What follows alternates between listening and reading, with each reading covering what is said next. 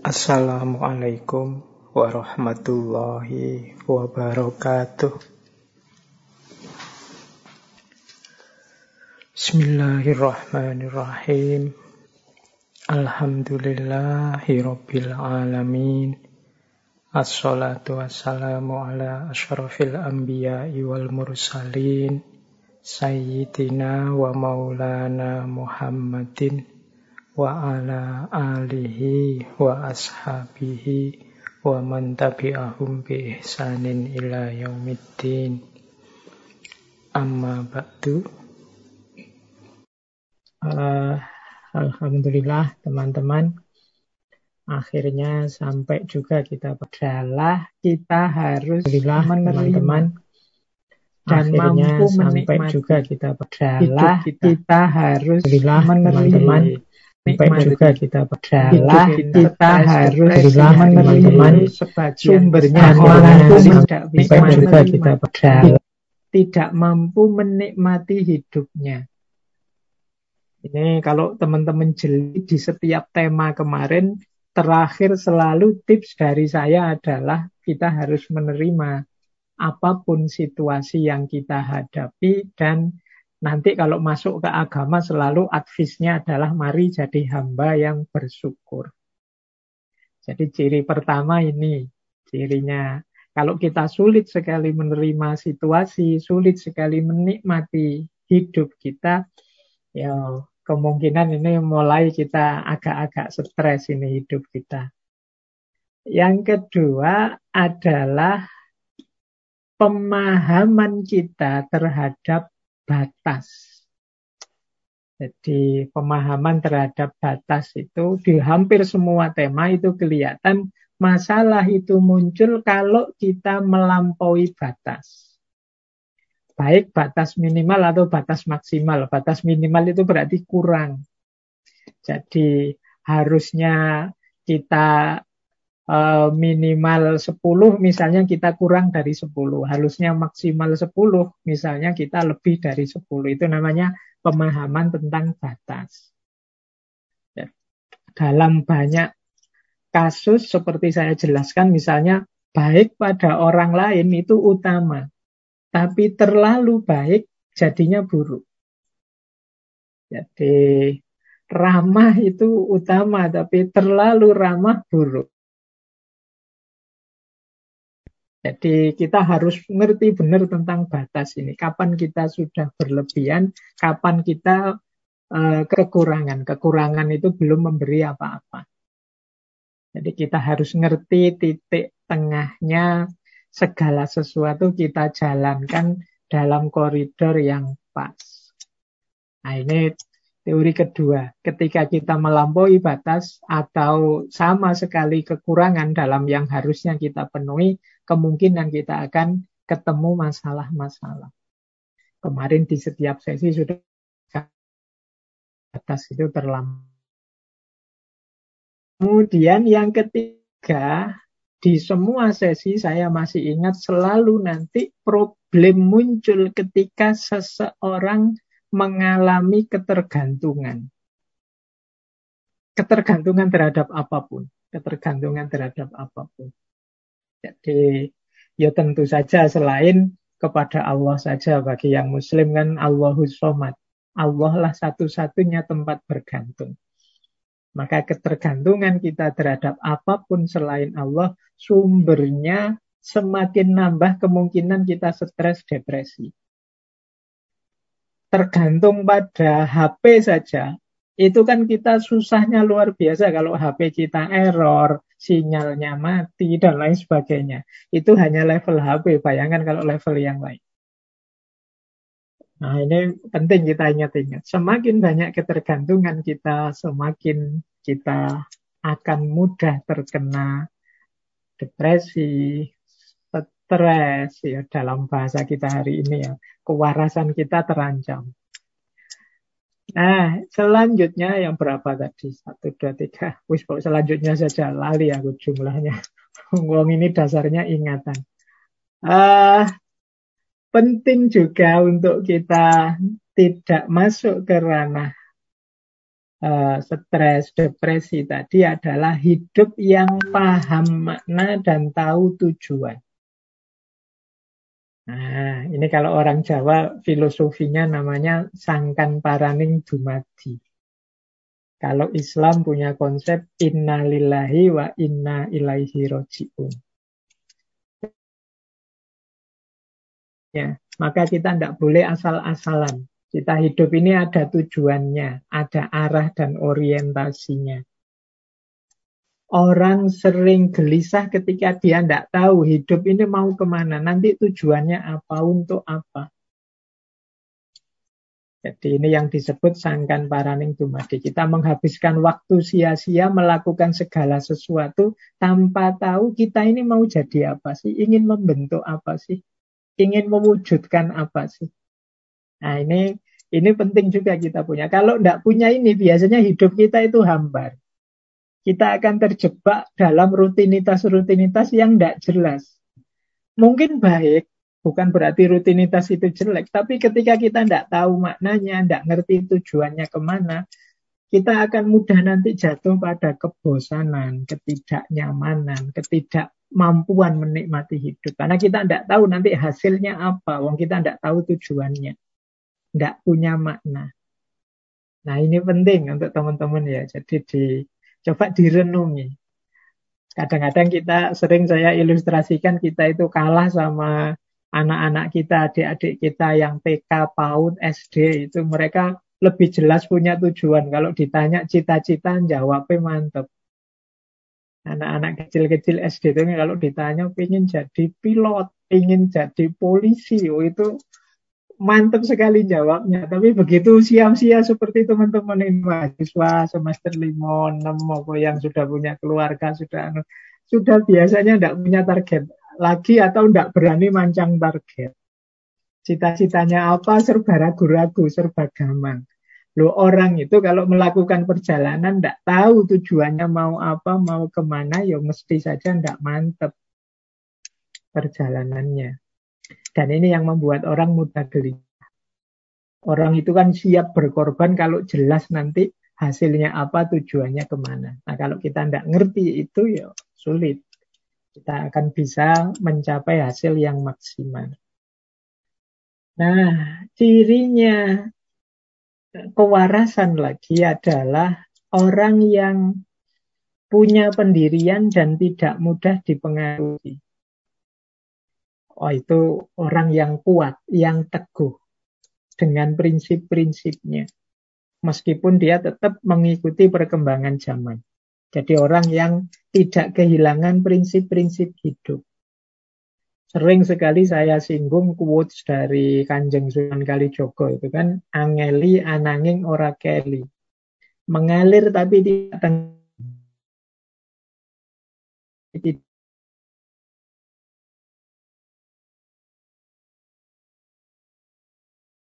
matian kita terpengaruh meskipun sambil kita mengikuti perkembangan zaman.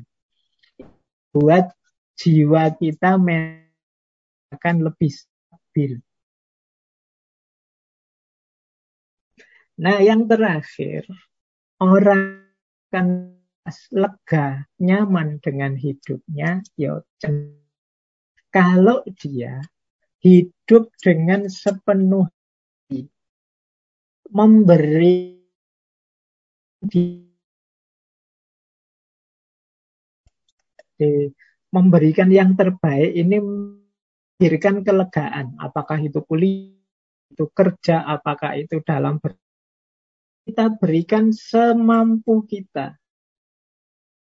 Ini mengapa saya sebut melahirkan kelegaan padahal kadang-kadang ya gagal kadang-kadang ya tidak sukses apakah itu kerja, apakah itu kuliah. Tapi kalau kita sudah memberikan yang baik, itu kita lega ya, sudah memang kapasitas saya, kemampuan saya itu saatnya meningkatkan diri. Tapi saya tidak menyesal, kemarin sudah saya berikan yang terbaik. Saya nulis skripsi sudah sekuat sudah semampu saya. Nah kalau sudah memberikan yang terbaik, itu nanti hasilnya apa pun lebih mudah kita menerima. Kalau kita masih belum beri yang terbaik kan kita masih ada menyesal-menyesalnya. Mbok coba kemarin saya ini, mbok coba kemarin saya begitu ya. Mbok.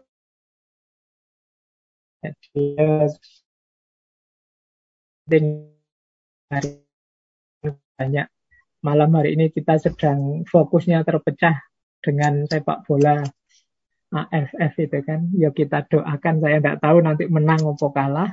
Semoga uh, sudah memberikan yang terbaik. Itu hasilnya apa ya? Saja.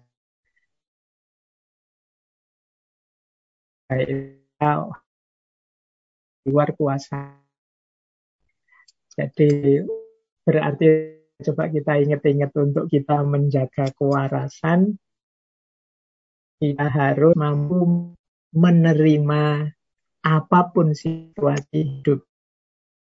Nikmati terus bersyukur. Yang kedua kita harus paham tentang batas. Melampaui batas, baik batas minimal batas maksimal. Mengurangi ketergantungan ketergantungan kelekatan yang terlalu kita membutuhkan gadget, membutuhkan laptop. Nah, tapi itu wajar. Tapi tergantung itu tidak bisa ditinggal laptop, tidak bisa ditinggal HP. HP ketinggalan itu berarti ciri-ciri mulai ketergantungan. Kemudian mari hidup paham makna dan tujuan. Jangan hidup asal-asalan. Kemudian mari jadi orang yang punya prinsip, punya pendirian. Jadi kita ini teguh pendirian. Kemudian mari ini tema yang terakhir ini di mindfulness kemarin. Mari hidup melakukan yang terbaik, memberikan yang terbaik. Pun yang kita lakukan. Mungkin sekedar makankah atau jalan-jalan atau lakukan kita mampu terbaik yang kita nanti yang mendukung kita untuk tetap dalam kewarasan kita. Ini, tapi saya bilang tadi ya, teori yang saya ini mungkin benar, tapi tidak selalu benar. Sesuaikan dengan hidup teman-teman mas. Benar, tapi bisa jadi efektif. Situasinya tidak memungkinkan. Mungkin benar, mungkin benar, mungkin efektif, tapi bisa tidak solutif. Tidak solutif itu hasilnya ternyata seperti yang dibayangkan masih banyak masalah sisi. Gantung kebijaksanaan kita masing-masing. Baik, ini pengantar untuk sebenarnya harusnya lebih banyak tanya jawab tapi paling enggak teman-teman malam hari ini dapat sesuatu lah ya selain uh, mendengarkan jawaban jawab atau cuat waktu selain pertanyaan yang Monggo saya kembalikan ke Fajar yang mandu sesi malam hari ini. Siap, terima kasih Pak Faiz untuk um, pengantarnya. Baik, kita akan segera mulai sesi tanya jawab dengan Pak Faiz. Um, hmm. Mungkin untuk info kita nanti ada sesi open mic tapi di durasi ke 30 menit sebelum berakhir. Jadi pertama kita akan melakukan sesi tanya jawab dulu. Saya memberikan pertanyaan dari apa yang telah dirangkum oleh teman-teman MCS kepada Pak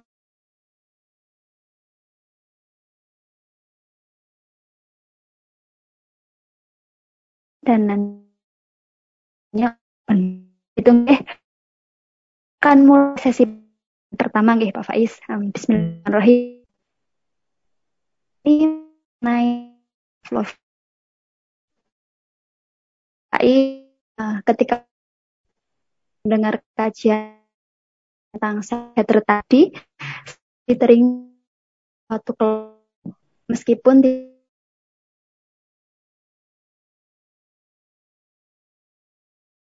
thinking pada sendiri itu ada. Nah, refleks menyalahkan diri juga dan mencurigai diri sendiri juga ada di dalam kelompok-kelompok tersebut. Lalu bagaimana Pak Faiz melihat kelompok ini dari sisi self love-nya? Matur nuwun. Begitu. Monggo Pak Faiz. Uh, saya enggak oh ya ya tentang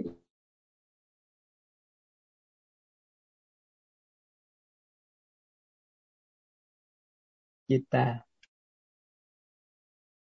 Cinta ini ya cinta sama dengan menuruti keinginan diri kita. Dengan memanjakan memanjakan itu kan memberi yang enak-enak saja, yang tidak enaknya.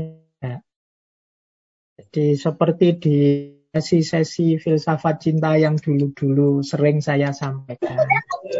Yang namanya cinta itu variabelnya ada empat. Ini saya yang paling terkenal saja, yang paling saya singgung, yaitu dari Erich Fromm.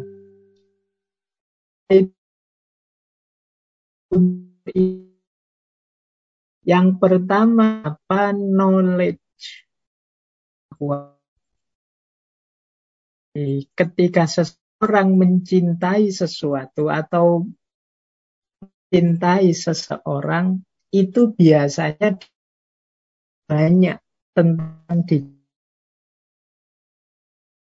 seseorang sedang mencintai sesuatu seseorang itu kan perhatiannya sepenuh pada yang dicintai. Dia ingin tahu apa pun yang dicintai Ya persis kalau teman-teman sedang mungkin jatuh cinta ya, itu kan selalu ingin tahu ini yang saya cintai malam hari ini sedang ngapain ya, sedang nonton TV ya, sedang ada di mana, apa dan lain sebagainya. Kita ingin dia ini uh, di mana, warna kesukaannya apa, dan lain sebagainya. Ingin tahu banyak. Nah, berarti self love, cinta pada diri sendiri, kita punya komponen knowledge. Kita ingin tentang diri kita. Ini masuknya kalau lebih jelasnya dulu di tema muksa. Bagaimana kita merenungi diri kita kekuranganku apa ya, kekuranganku apa ya. Aku kok sekarang mudah tersinggung ya, aku sekarang kok mudah gelisah ya. Aku ini membaca, memahami diri kita lebih dalam. Yang membuat aku tenang itu apa ya? Yang membuat aku mudah sensitif ketika sedang apa ya? Terus kita pahami diri kita dengan segala dinamikanya. Itu ciri pertama dari self love, mencintai. Nah, ciri kedua adalah respect. Respect itu menghargai. Jadi ini mirip dengan tadi ya kata-katanya cuma beda yaitu menerima apa pun situasi. Dengan lari dari kenyataan. Misalnya saya itu mudah tersinggung ya diakoni wae. Wah, aku memang mudah tersinggung. Aku ini orangnya sensitif. Aku ini orangnya ngantuan. Aku ini orangnya ndak apa. Kita akui dulu, jangan lari dari kenyataan diri kita. Ya meskipun banyak yang sakit-sakit tidak apa-apa. Ya justru dengan kita sakit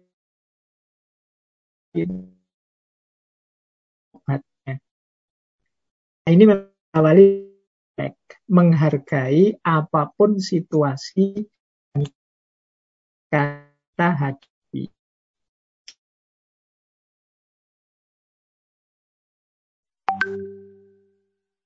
Ternyata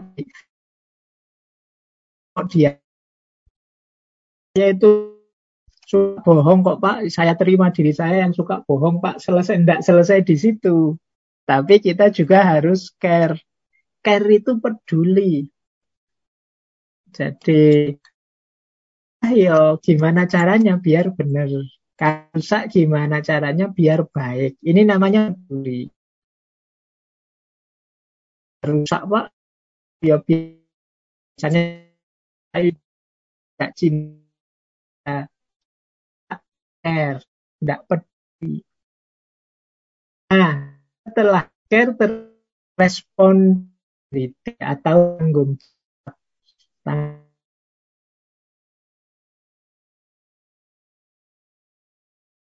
yang tadi tidak beres, beres kita ikut turun gunung dan baik dan yang rusak kita per, ini namanya ikut bertanggung jawab.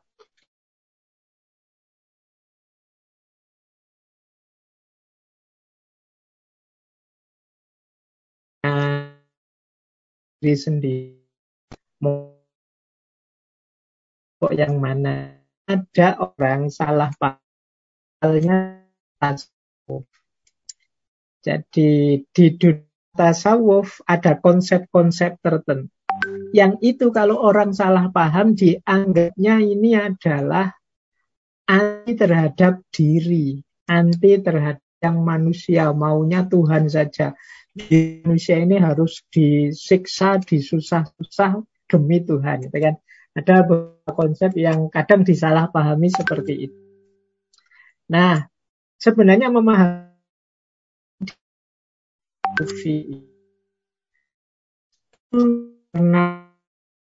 tentang hakikat kebahagiaan sejatinya manusia, maka mengajak dirinya untuk menemukan kebahagiaan yang sejati itu dan tidak terlena oleh kebahagiaan-kebahagiaan yang sementara.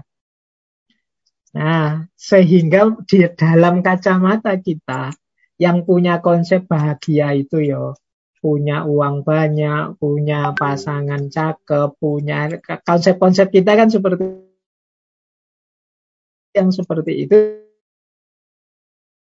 Saat kok malah milih miskin sih bukan itu kok yang kaya misalnya. Terus oh itu berarti orang ini telat. Dan lain kita membacanya seperti itu. Tapi sebenarnya mereka ini karena cinta pada dirinya, mereka mengajak dirinya untuk menemukan kebahagiaan yang lebih hakiki. Dan jangan dikira mereka itu tersiksa. Mereka bahagia dengan itu. Karena kebahagiaan mereka ketika mendapatkan ridhonya Allah. Jadi mungkin di kacamata kita saja kelihatannya mereka itu menyiksa diri. Karena mungkin standar-standar kebahagiaan kita beda dengan standar mereka.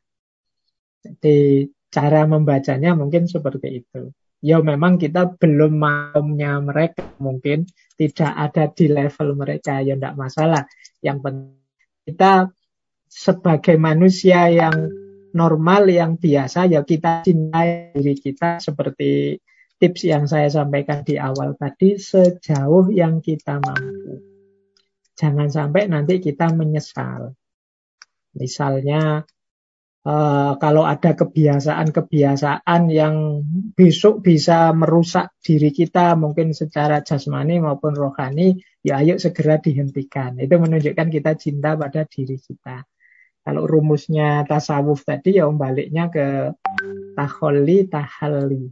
Jadi yang jelek-jelek mari kita bersihkan, kemudian kita isi dengan yang baik-baik. Ini salah satu bukti bahwa kita mencintai diri kita. Nah, yang pastinya sudah tahu kan sekolah dari SD sampai kuliah kan sudah diajari itu. Tinggal dijalankan sekarang saatnya. Ya. Saya kira itu Mbak Fajar untuk pertanyaan yang pertama. Saya tidak tahu pertanyaannya berapa ya. Pokoknya saya nyampe-nyampainya waktu lah ya. Iya, siapa Faiz? Iya, berarti tadi memang perlu ini ya Pak. Uh, kita bisa saja melihat kacamata dari diri kita itu barangkali kalau tersebut itu tidak bahagia gitu. Padahal sebenarnya mereka punya standarnya sendiri gitu ya Pak. Hmm, yeah. Iya. Untuk pertanyaan yang kedua, ini ada dari seorang pemudi. Assalamualaikum. Apakah ada tahapan dalam mencintai atau laku cinta itu dapat ditebarkan ke semua objek. Misalnya baru bisa mencintai yang lain setelah mencintai diri sendiri atau dapat dijalankan secara bersamaan gitu atur nuwun baik uh, ini tentang cinta diri dan cinta yang lain. Apakah ini urutan berarti mana yang didahulukan ataukah bareng-bareng? Jadi yang pertama yang harus kita bawahi ya, kalau kita ingin hidup dengan berlandaskan cinta di level apa pun, tentu saja ya cinta diri, cinta yang lain itu semuanya harus terpenuhi. Nah, self love itu mencintai diri itu kalau kemarin kita bahas di sesi minggu pertama bulan ini ada pernyataan yang saya ingat begini. Orang itu tidak mungkin bisa mencintai yang lain kalau dia tidak mencintai dirinya. Jadi kalau kita tidak cinta pada diri kita, bagaimana kita bisa memberikan cinta pada yang lain. Kalau tidak ada cinta kepada diri kita, bagaimana kita bisa memberikan cinta kepada yang lain? Berarti, apakah ini mana dulu, mana kemudian? Ya bareng-bareng.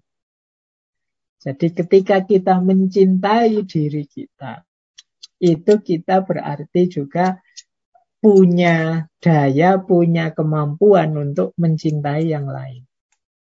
Karena orang itu memberikan apa yang dia miliki. Pak, tapi kan ada Pak orang itu yang diperhatikan dirinya saja. Menurut saya dia ini sangat cinta dirinya, tapi terus tidak peduli orang lain. Kalau yang seperti ini gimana Pak? Ya, ini kalau di ngaji filsafat yang seperti ini dulu pernah saya ingat saya jelaskan di sesi yang judulnya egoisme. Jadi kalau ada orang yang mengklaim saya mencintai diri saya Pak, oleh karena itu saya tidak peduli dengan yang lain. Saya tidak ngurusi orang lain misalnya. Ini kalau di sesi dulu waktu egoisme, saya jelaskan bahwa loh kalau kita mencintai diri kita, pastinya kan kita terus membaca, memahami diri kita ini seperti apa. Nah, kalau kita paham diri kita sebagai manusia, kita pasti akan mengenali dalam diri kita ada unsur fitrah manusiawi namanya aspek sosial.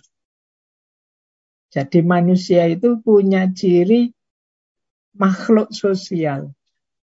Nah, ini kalau dalam agama kan namanya fitrah.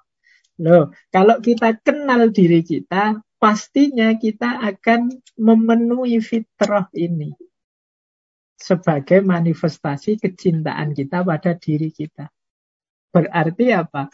Kalau kita buruk, jelek sama orang lain, tidak baik dengan orang lain, dengan alasan mencintai diri, sebenarnya kita belum mencintai diri sendiri. Karena kita belum paham tentang diri kita bahwa kita ini makhluk sosial yang butuh bersosialisasi, butuh bersama-sama orang lain dalam berbagai level hidup kita.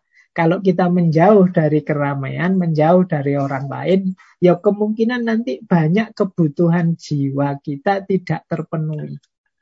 Banyak kebutuhan uh, jasmani rohani kita tidak terpenuhi. Tidak mungkin orang bisa hidup tanpa orang lain. Nah ini menunjukkan kok ada orang egois alasannya cinta diri terus tidak cinta sama yang lain. Eh, cinta dengan dirinya karena apa? Dia tidak paham tentang apa yang membuat dirinya bahagia. Jadi cara berpikirnya seperti itu. Makanya ya dua hal ini satu paket, satu rangkaian. Bahkan nanti satu rangkaian juga dengan cinta kepada Allah, cinta kepada Tuhan.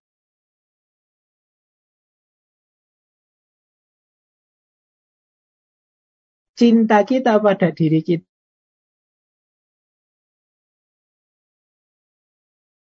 Pada Tuhan. Dan akhirnya dan nanti entah segala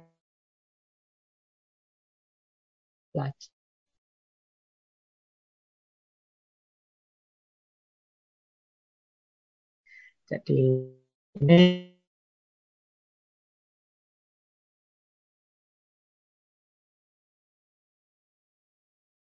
dengan sesama. Tidak mungkin begitu. Tidak mungkin, Pak saya cinta pada orang lain, Pak. Tapi saya tidak cinta diri saya, tidak cinta Allah, tidak mungkin juga.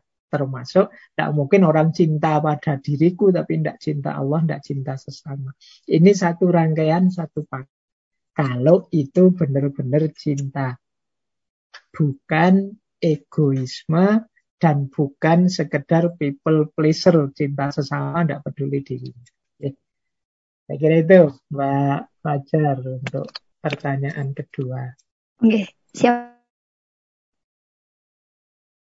Pak, berarti tadi memang uh, pertanyaan untuk cinta sendiri atau cinta orang lain terlebih urutannya itu tidak bisa dipisahkan ya Pak karena memang satu rangkaian. Kalau sudah cinta diri sendiri otomatis akan mencintai mudah untuk mencintai orang lain dan sesama dan juga kepada Tuhan gitu ya Pak.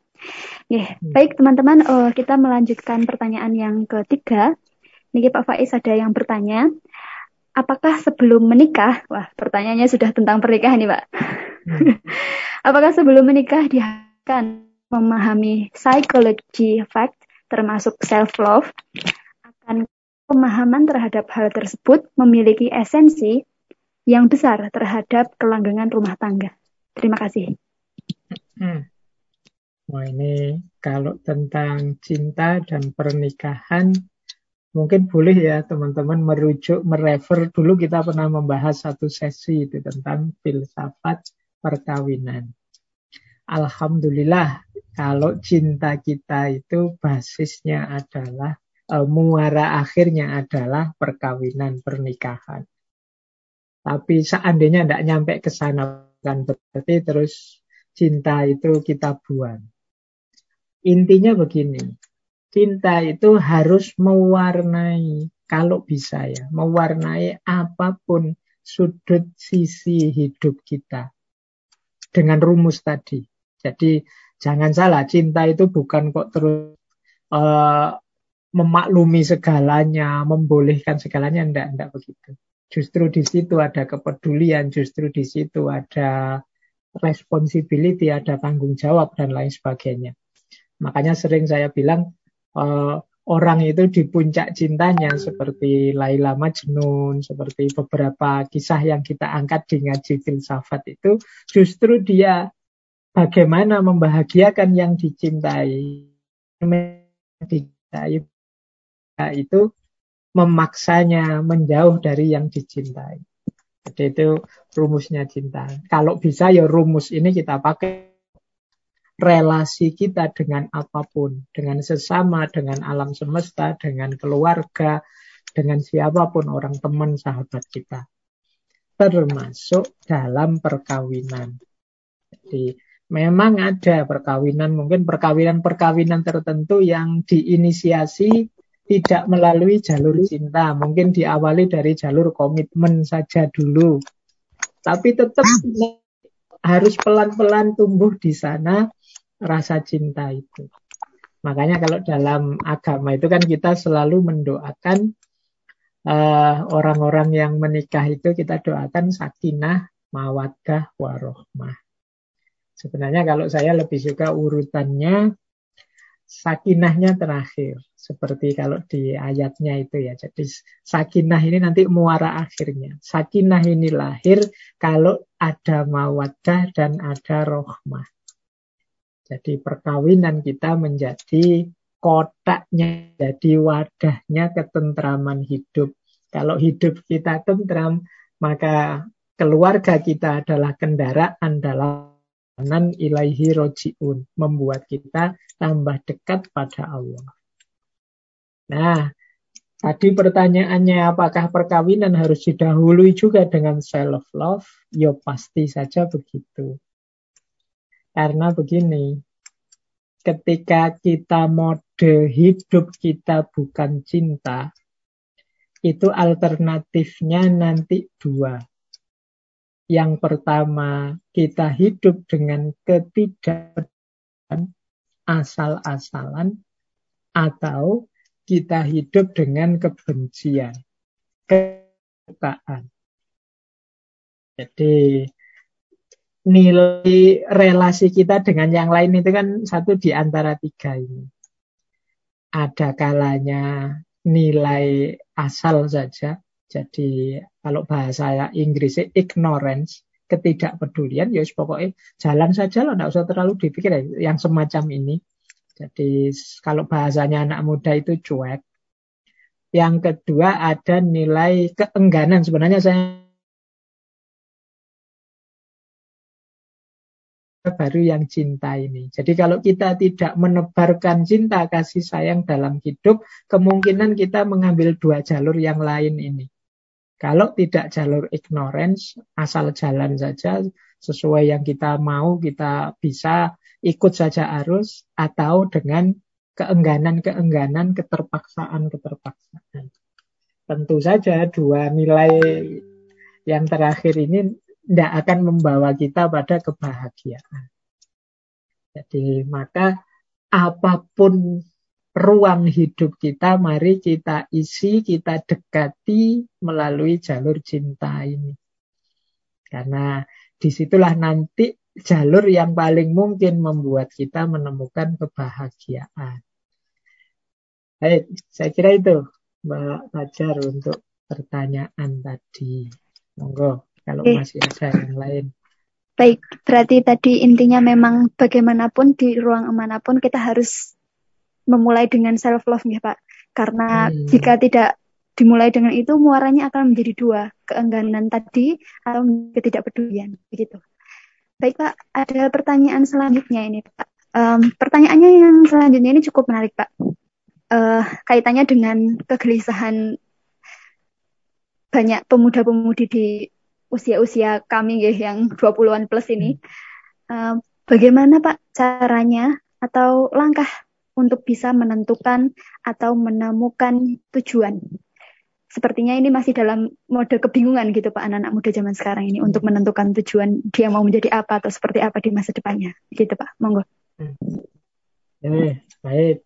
Yo ini problem yang tidak hanya dialami 20 plus kadang 20 kuadrat juga bisa yang usianya usia saya itu juga ya kadang-kadang ada. Kadang orang menyebutnya namanya krisis identitas. Jadi krisis identitas itu terjadi ketika orang kesulitan membaca dirinya. Jadi kesulitan mengenali dirinya. Dan kesulitan, ya kalau orang sulit mengenali, membaca dirinya kan dia sulit mengorientasikannya ke mana. Jadi kalau kita tidak tahu diri kita siapa, tidak bisa merumuskan atau memahami posisi kita, kita akan sulit melakukan apa-apa. Jadi misalnya ya Zoom kita kali ini, kajian kali ini, itu kan kita harus kenal, tahu saya itu posisinya apa. Begitu masuk saya tahu, oh saya kalau di Zoom-nya ngaji filsafat ini jadi narasumbernya. Nanti Mbak Fajar sadar, oh saya moderatornya. Teman-teman sadar, oh saya pesertanya. Nah, dari situ kan terus kita berlaku sesuai posisi kita masing-masing. Yang peserta masuk, terus suaranya dimatikan, terus nah. nah kalau saya salah identitas, misalnya saya merasa saya ini peserta kok, terus saya masuk diam saja. Padahal harusnya saya narasumber yang ngomong, itu kan zoomnya terus jadi kacau. Nah ini namanya salah memahami diri. Jadi dalam hidup ini kita harus paham siapa kita, identitas kita. Oh saya ini Muslim, oh saya itu Indonesia, oh aku itu mahasiswa, oh aku itu warga desa sini dan seterusnya. Itu kan peran-peran identitas-identitas yang kita miliki dan harus kita pahami. Apa yang harus saya lakukan. Nah, dengan pemahaman terhadap posisi dan identitas ini, terus kita bisa melakukan proyeksi-proyeksi, melakukan reorientasi. Itu yang kita sebut tadi, kalau dalam pertanyaan tadi pakai kalimat tujuan. Ingin apa sih? Arahnya ke mana sih? Dan lain sebagainya.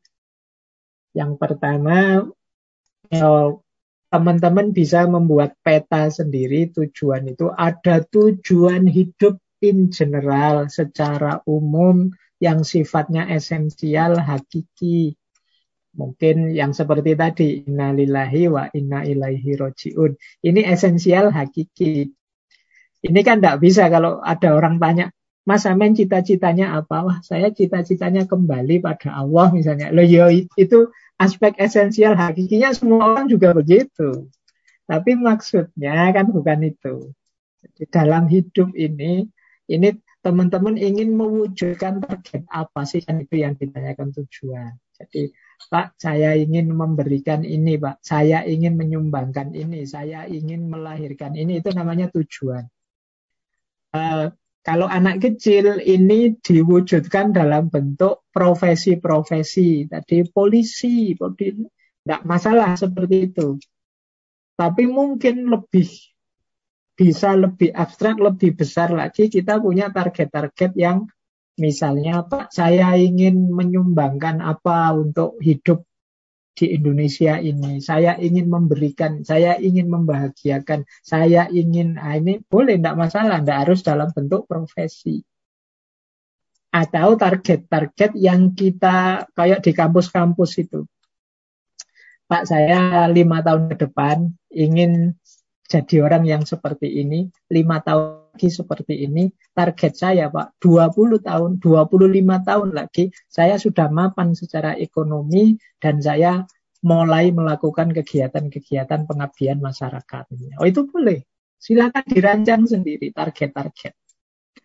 Nah, merancang target ini, yuk teman-teman tanya dirinya sendiri, ngukur kapasitasnya masing-masing. Jadi ini berhubungan dengan passionnya masing-masing, berhubungan dengan uh, apa situasi lingkungan yang setiap orang beda-beda. Yo kalau yang abstrak esensial tadi jawabnya gampang kita semua ilahi rojiun, kita semua ingin berbakti pada nusa, bangsa, agama, orang tua dan lain sebagainya. Kalau ini iyalah. Cuma kan target-target konkretnya ayo kita rumuskan sendiri. Kalau di kampus itu ada namanya Renstra, rencana strategis. Nah, ini biasanya lima tahunan. Ada rencana pengembangan itu bisa 25 tahun, 35 tahun. Teman-teman boleh. Untuk pribadi saya, Pak, lima tahun ke depan, saya ingin paling enggak yo hafalah juz 30 misalnya. Ini kan target pribadi dari sisi agama, Pak. Tapi kalau dari sisi kuliah, saya ingin lima tahun ke depan sudah lulus S2.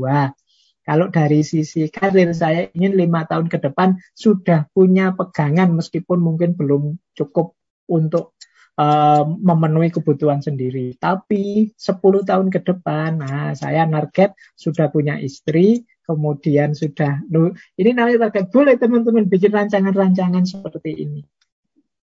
Jadi sangat spesifik juga boleh seperti anak-anak yang bikin tadi. Ingin jadi polisi ingin jadi itu boleh asalkan realistis.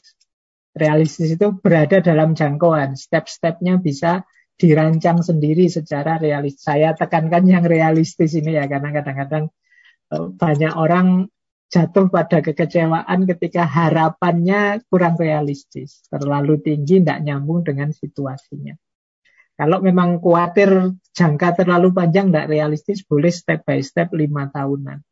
Nanti kalau sudah lima tahun bisa dievaluasi lagi. Wah saya target lima tahun sudah begini, ternyata kok ya masih belum nyampe ya. Mas, berarti mungkin bisa lah dengan uh, strateginya kita ubah sekarang lima tahun ke depan saya harus begini lagi lebih tidak seperti ini sekarang. Misalnya boleh itu kan lima tahunan dievaluasi terus. Karena memang hidup ini kan tidak eksak seperti perjalanan alam semesta sunatullah yang sudah pasti. Hidupnya manusia itu kan dinamis. Banyak variabel-variabel masuk yang tidak terduga. Nah, kita juga tidak harus kaku dengan target dan tujuan tadi. Jadi boleh. Makanya tadi saya bilang di awal untuk meminimalisir kegelisahan, stres dan lain sebagainya, ada baiknya teman-teman punya tujuan dan paham makna dalam hidup ini biar jelas mau apa dan untuk apanya. Oke. Saya kira itu Mbak Fajar untuk pertanyaan tadi. Oke, baik. Berarti memang memahami diri sendiri itu harus tahu porsi, posisi, dan kapasitas kita dalam menghadapi realitas, begitu nggih, Pak? Oke, um, pertanyaan selanjutnya, Bapak. Ini sudah menyinggung tentang overthinking dan insecurity.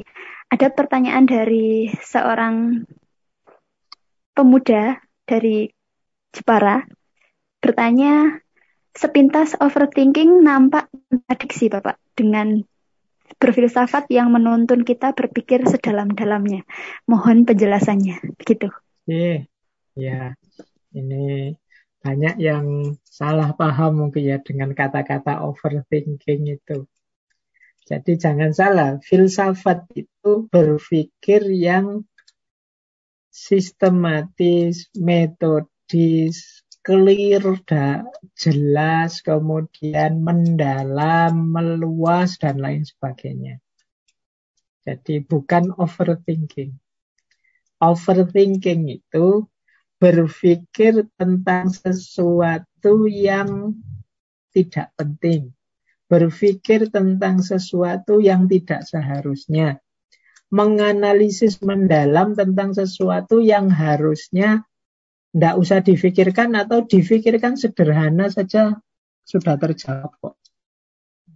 Atau berpikir tentang sesuatu yang tidak ada gunanya, tidak ada manfaatnya. Nah, itu bagian-bagian dari overthinking. Ini boleh direfer ya sesi kita minggu ke eh, minggu ketiga kalau tidak salah di bulan ini tentang overthinking. Jadi tidak segala hal ya bahwa kita ini filsafat menyuruh berpikir mendalam, tapi kan di isu-isu yang memang penting, urgent untuk hidupnya manusia. Bukan di isu-isu yang tidak ada gunanya, tidak penting.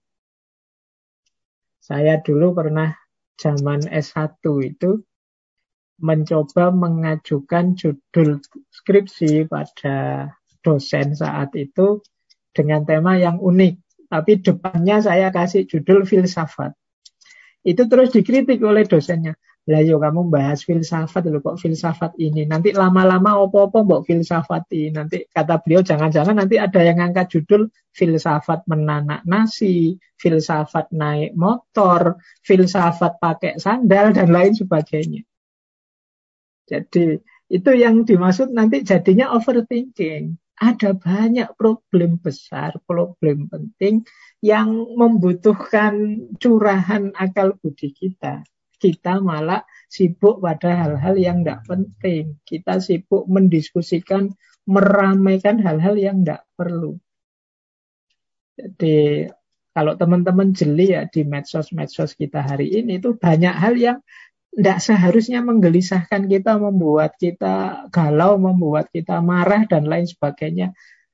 Tapi kita terdistraksi ke sana, kita ikut-ikutan mikir, ikut-ikutan gegeran, ikut-ikutan mencarikan dalil, mencarikan ini. Tidak, ada sering kita seperti itu. Itu bagian dari overthinking. Jadi itu ya makanya kemarin dikritik. Jadi nanti solusinya overthinking itu mindfulness. Jadi kita bagaimana tidak terdistraksi, bagaimana kita tidak terpecah orientasi kita, kita berpikir pada hal-hal yang memang penting saja, esensial saja. Tidak kehabisan energi untuk hal-hal yang tidak penting atau berpikir yang tidak seharusnya.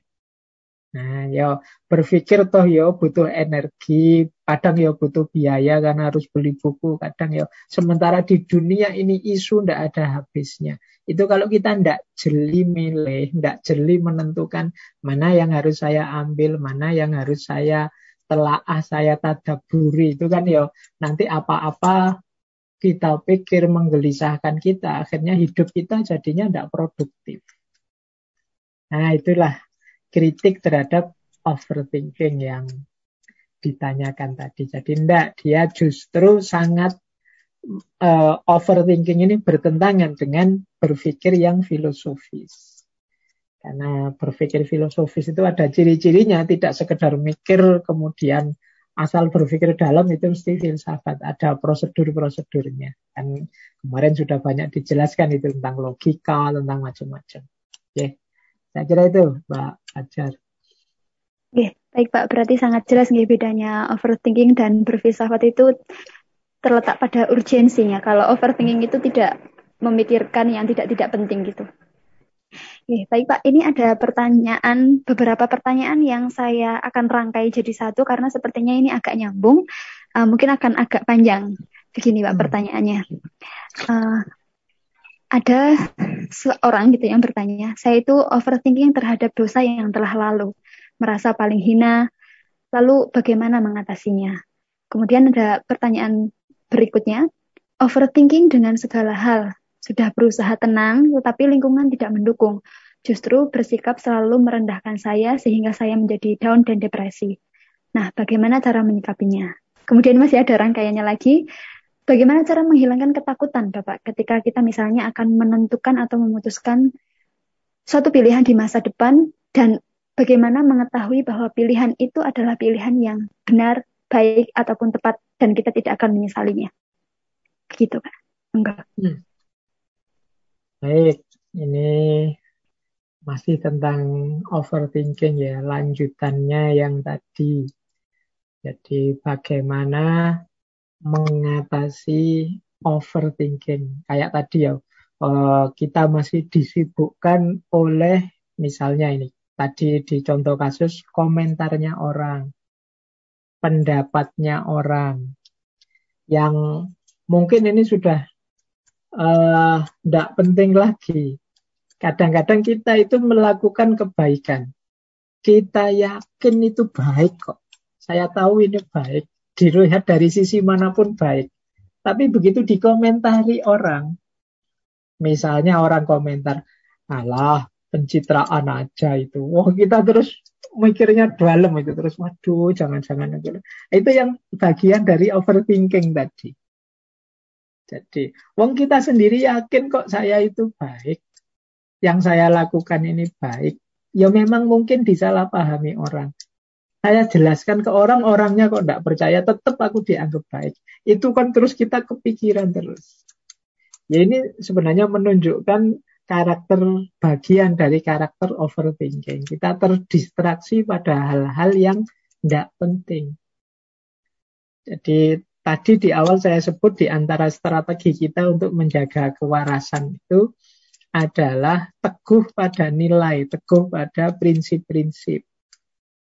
Kalau kita mantep bahwa enggak kok ini baik, sesuai nilai yang saya yakini ini baik, ya sudah titik teman-teman tidak harus terdistraksi, terganggu, ter, mungkin ada komentar ini, komentar itu, mungkin di medsos kita dan lain sebagainya, ya sudah. Komentar anggap saja masukan kita dengarkan, kalau tidak relevan ya sudah.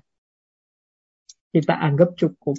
Tidak harus kita renungi dalam-dalam, waduh ini enaknya gimana ya, ya sudah.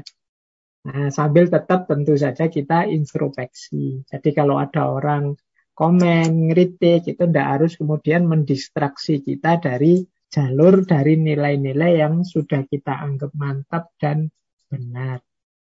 Jadi intinya tadi, mari kita pahami diri kita, kemudian kita sadari prinsip-prinsip hidup.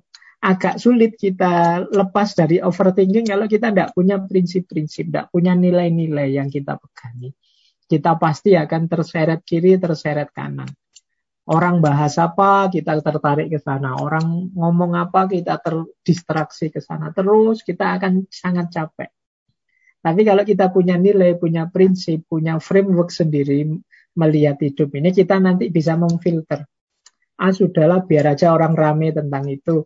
Menurutku tidak terlalu relevan untuk hidup dan lingkunganku ah, biar saja itu ada ahlinya kok yang sudah bahas, ngapain aku capek ke sana.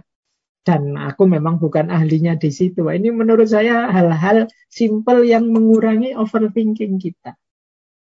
Kita itu kan biasanya apalagi orang timur ya, mainnya sering kali ndak enak an atau mainnya kayak yang di insecurity tadi yang di sesi insecurity itu kan saya jelaskan banyak orang insecure sungkan, ah ndak enak, ah kayak kayak gini ini kadang-kadang mendistraksi kita dari yang esensial yang penting. Bukan berarti sungkan itu jelek, ndak enak itu jelek. Tapi kalau kita sudah punya prinsip, sudah punya nilai, Jangan sampai kesungkanan, kendak enakan ini membuat kita permisif. Jadi sudahlah nilai saya tak pending dulu. Sudahlah prinsip-prinsip saya nanti saja dulu. Ini sedang tidak enak nih sama orang lain. Nah, ini yang membuat kita jatuh pada overthinking tadi. Jadi makanya penting yang awal tadi ya. Makanya self love itu saya taruh di awal. Nanti kendalinya di sana. Bagaimana kita mencintai diri kita, kita memahami diri kita, kita punya standar-standar nilai-nilai dalam hidup. Kalau sudah sampai di titik ini berarti nanti apa pun selanjutnya yang terjadi kita tidak keluar dari koridor self love. Mencintai diri, menegakkan nilai-nilai hidup dan lain sebagainya. Nah, kemudian tentang insecurity, ketakutan-ketakutan tentang masa depan. Oke ya, ini menarik kalau teman-teman membaca Al-Quran. Itu ada salah satu ayat yang membolehkan kita takut kalau masa depan kita uh, nanti hancur, kacau, rusak. Itu kan ada ayat yang bunyinya wal yahshalladzina jadi semoga kalian takutlah kalau nanti meninggalkan generasi yang lemah yang akan datang. Itu kan berarti kita oleh Al-Quran dimaklumi. Bahkan ayo kita khawatir kalau kita di masa depan akan rusak-rusak. Berarti apa? Mengkhawatirkan masa depan itu dalam rangka kita melakukan yang terbaik saat ini. Nah, kalau situasinya seperti ini dimaklumi. Yang tidak dimaklumi itu hidup yang isinya khawatir saja. Dok. Khawatir terus diam. Isinya khawatir terus mundur. Jadi isinya khawatir terus tidak ngapa-ngapain. Jadikan ketakutan dan kekhawatiran ini kekuatan, semangat untuk melakukan yang terbaik, memberikan yang terbaik, sehingga yang kita takutkan di depan tidak terjadi. Misalnya, Pak, saya khawatir Pak, apa besok saya bisa ya punya pekerjaan tetap yang bisa mencukupi keluarga saya. Kan masih besok Berarti apa? Boleh kamu persiapkan sekarang. Biar besok kamu bisa punya pekerjaan yang mencukupi keluarga. Ya sekarang apa yang kamu lakukan untuk menuju ke sana? Jangan takut terus selesai. Terus tidak ngapa-ngapain. Terus mundur. Terus tidak aktif. Wah, itu ya jadinya takut yang negatif. Tadi ayat Al-Quran tadi waliyahsya itu uh, waliyasaladina taroku min kolfim dan diafan itu kalau nanti generasi kita lemah maka kita harus takut. Berarti apa? Sekarang ayo mendidik generasi biar besok dia kuat. Jadi teman-teman yang gelisah dengan masa depan itu manusiawi. Dimaklumi, tapi jadikan ketakutan itu power, kekuatan kita untuk agar ketakutan-ketakutan kita di masa depan tidak terjadi. Jadi tidak masalah. Yang masalah itu kalau kita khawatir, takut, dan hidup kita jadi lemah karena ketakutan dan kekhawatiran itu. Nah ini yang perlu kita waspadai. Akhirnya kita malah tidak ngapa-ngapain takut saja.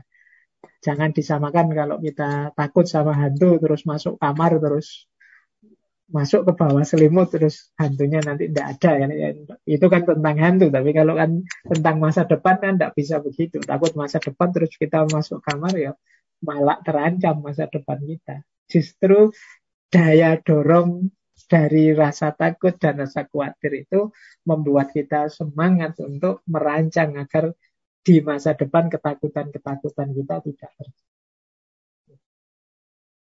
untuk pertanyaan-pertanyaan tadi.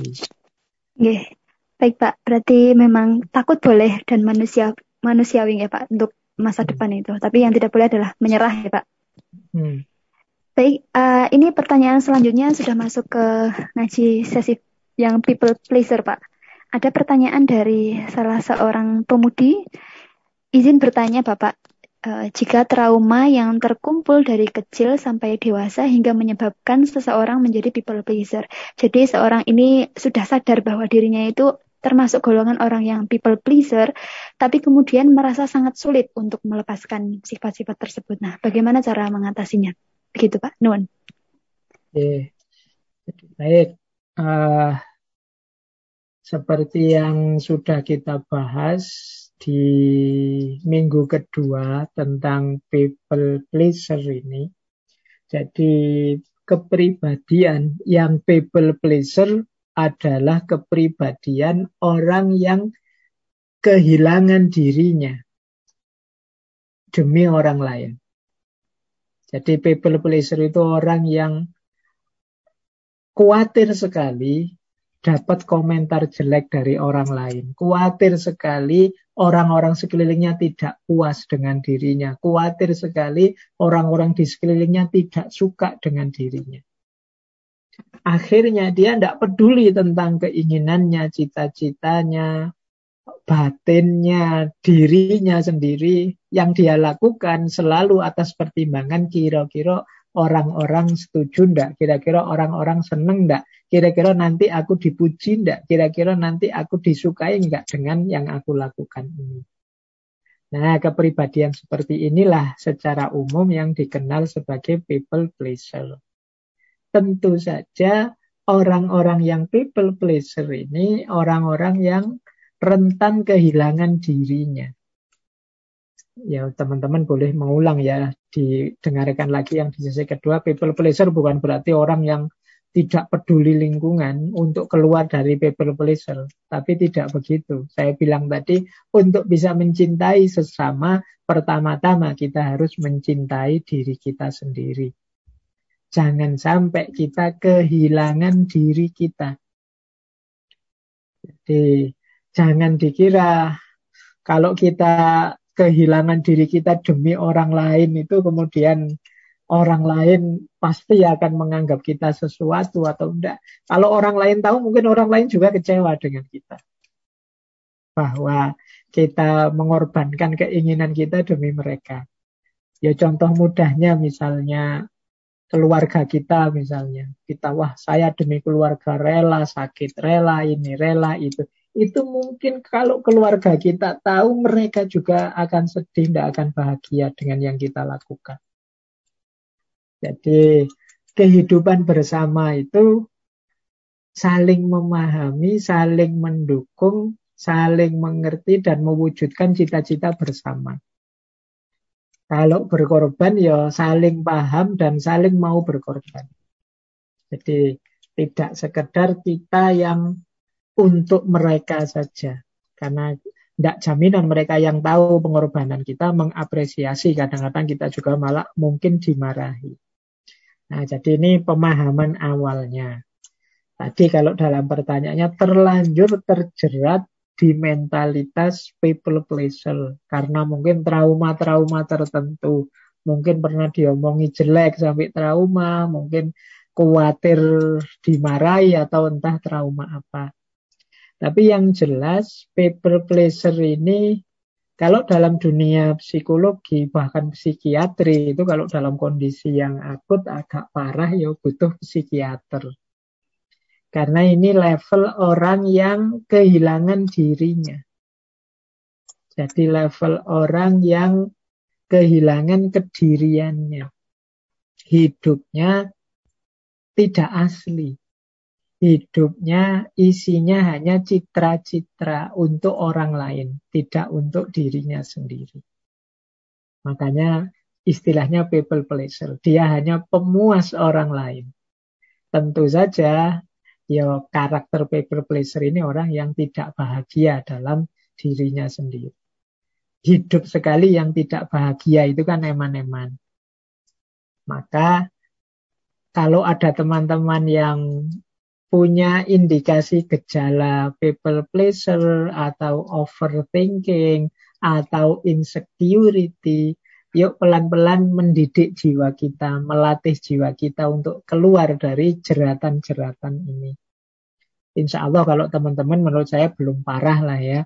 Belum butuh psikiater. Hanya butuh kesungguhan kita saja. Untuk tadi saya bilang mengakui dan menerima kondisi kita. Untuk melepaskan diri dari banyak keterikatan. Memahami makna dan tujuan hidup kemudian menghidupkan lagi prinsip nilai-nilai yang kita yakini dan hidup dengan cara memberikan yang terbaik, the best version. Jadi pastikan setiap detik hidup kita adalah versi terbaik dari diri kita. Kalau kita sedang makan, inilah versi terbaikku ketika makan. Kalau kita sedang ngaji, yo inilah versi terbaikku ketika ngaji. Kalau kita sedang nonton sepak bola, inilah versi terbaikku yang sedang nonton sepak bola. Ini membuat kita nanti tidak menyesal dalam hidup ini. Jadi pelan-pelan nanti mungkin kita bisa keluar dari jeratan overthinking, insecurity maupun people pleaser tadi. Baik, saya itu Mbak Fajar. Oke, baik Pak. Uh, kalau boleh saya menggarisbawahi tadi berarti salah satu tips untuk bisa pelan-pelan agar tidak insecure, tidak overthinking.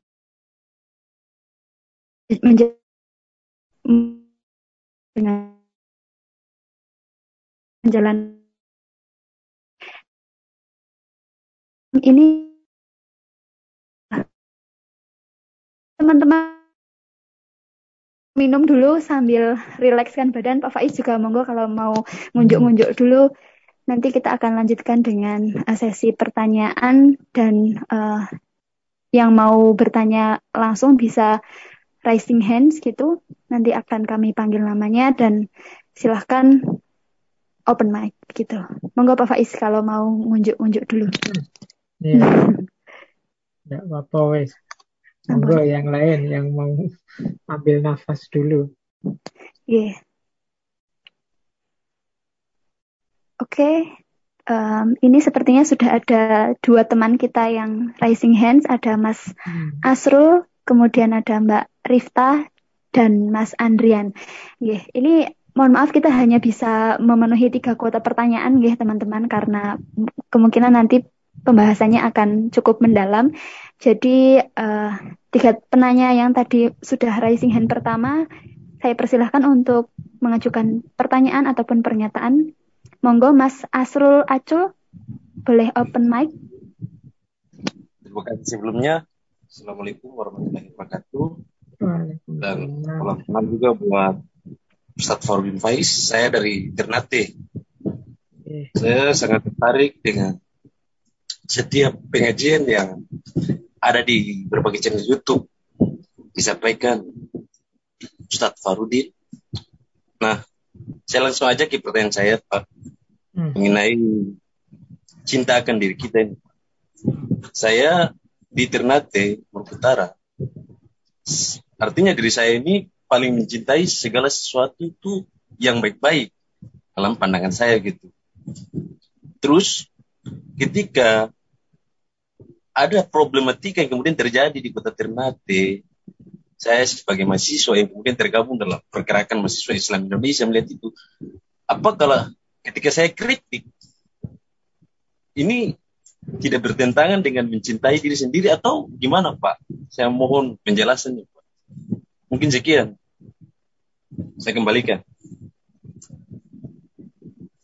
Hmm. Baik, uh, terima kasih Mas Asrul tentang mencintai diri dan mengkritik. Yang pertama begini, ini nanti saya jawabnya luas ya. Tentang kritik diri dan kritik yang lain. Kalau aktivis kan biasanya kritik keluar diri juga banyak. Yang pertama begini, kritik kita kepada diri kita sendiri itu adalah bagian dari cinta kita pada diri. Jadi kalau kita mencintai diri kita, saya tadi bilang bukan berarti setuju saja apa keinginan kita, setuju saja apa yang uh, menurut kita enak, menyenangkan dan lain sebagainya. Jadi kritik diri itu karena cinta tadi kan saya sebut uh, unsurnya antara lain ada kepedulian, care. Nah, care itu yo kalau ternyata terbukti kemarin menurut saya ini benar, Pak. Tapi setelah saya baca-baca keliru saya. Saya memahaminya salah. Berarti saya ini keliru, Pak. Ini saya harus diperbaiki lagi ini. Jadi kan mengkritik diri sendiri. Dalam rangka apa? Biar aku jadi lebih baik. Jadi karena aku ini manusia, ini berhubungan dengan batas tadi ya wawasanku juga terbatas, yang aku tahu juga terbatas. Saya tidak ngerti segalanya, tidak paham segalanya. Jadi kalau saya tahunya datanya hanya 10%, sekarang saya tahu datanya 20% tentang diriku. Nah, berarti saatnya aku memperbaiki diri. Nah, jadi mengkritik diri itu bagian dari self love. Nah, apakah orang yang mencintai diri itu juga mengkritik yang lain, tentu saja. Kita mencintai diri kita, tadi kan efeknya berarti mencintai yang lain. Mencintai yang lain itu ya sama seperti kita mencintai diri kita. Butuh knowledge, pengetahuan, butuh respect, butuh care, dan lain sebagainya. Loh kok misalnya masyarakat di sekeliling kita ini melakukan hal-hal yang salah, yang keliru, Ya kita ingatkan, kita kritisi. Mengapa? Karena aku cinta dengan mereka. Lah kok pemerintah melakukan hal yang keliru menurut saya, ndak pas ini, ndak cocok. Ya saya kritik, bukan karena aku benci mereka, tapi justru karena aku cinta dengan mereka. Aku ndak diam saja kalau mereka melakukan yang keliru, yang salah. Jadi buktinya aku cinta itu ndak harus aku setuju dengan kamu, tapi kalau pas kamu keliru ya aku ingatkan. Kalau salah kita biarkan saja, biar saja wong, biar dia ndak marah, biar dia itu sebenarnya menunjukkan kita ndak respect, ndak care padanya. Kita biarkan dia hancur, kita biarkan dia salah, kita biarkan dia rusak itu justru menunjukkan kita tidak mencintai mereka semuanya. Justru karena saya cinta pada mereka lah saya mengkritisi, saya menunjukkan kalau mungkin menurut saya ada yang keliru. Meskipun demikian, nah ini lanjutannya, aku juga sadar kalau aku ini bisa juga keliru. Saya juga tidak mesti benar. Ya kalau memang kritikku salah, yuk aku diingatkan salahku di mana. Nah, pergaulan saling cinta seperti ini menurut saya penting kita kembangkan hari pun dasarnya bukan kebencian tapi cinta. Bahkan mengingatkan akan tapi meluruskan. Jadi di sinilah penting kita. Tadi makanya sejak awal saya bilang yuk di ruang apa pun termasuk ruang aktif ruang pergerakan ruang perjuangan tetap dasar semuanya adalah mentalitas yang mencintai bukan kebencian demi kebencian. Jadi inilah cara kita menghidupkan self love cinta pada diri kita sendiri saya kira itu Mas Asrul cara membacanya. Ya. Males. Ya. Baik, terima kasih Mas Asrul dan terima kasih Pak Faiz sudah menjawab. Semoga itu menjadi uh, bahan masukan yang bisa digali lagi untuk bisa menemukan solusi-solusinya. Kemudian mari kita lanjutkan untuk penanya kedua. Silahkan Mbak Rifta Nindya bisa open mic-nya dan mengajukan pertanyaan. Assalamualaikum warahmatullahi wabarakatuh. Mohon maaf, saya nggak bisa buka kamera ya. Hmm. saya ini aja. Nah, sebelumnya Pak Faiz, saya senang banget nonton YouTube-nya Pak Faiz dari dulu. Uh, makasih banyak pencerahan-pencerahannya, sangat menginspirasi. Senang banget bisa ngomong langsung sama Pak Faiz. Uh, saya ingin bertanya, uh, saya kan sebagai seorang perempuan ya tentu saja ingin menikah gitu kan ya. Tapi tuh saya tuh problem dari diri saya tuh saya nggak apa ya saya lebih sering jatuh cinta ke orang yang nggak bisa saya miliki. Nah, orang rata-rata orang yang datang ke saya itu nggak bisa klik gitu sama sayanya gitu.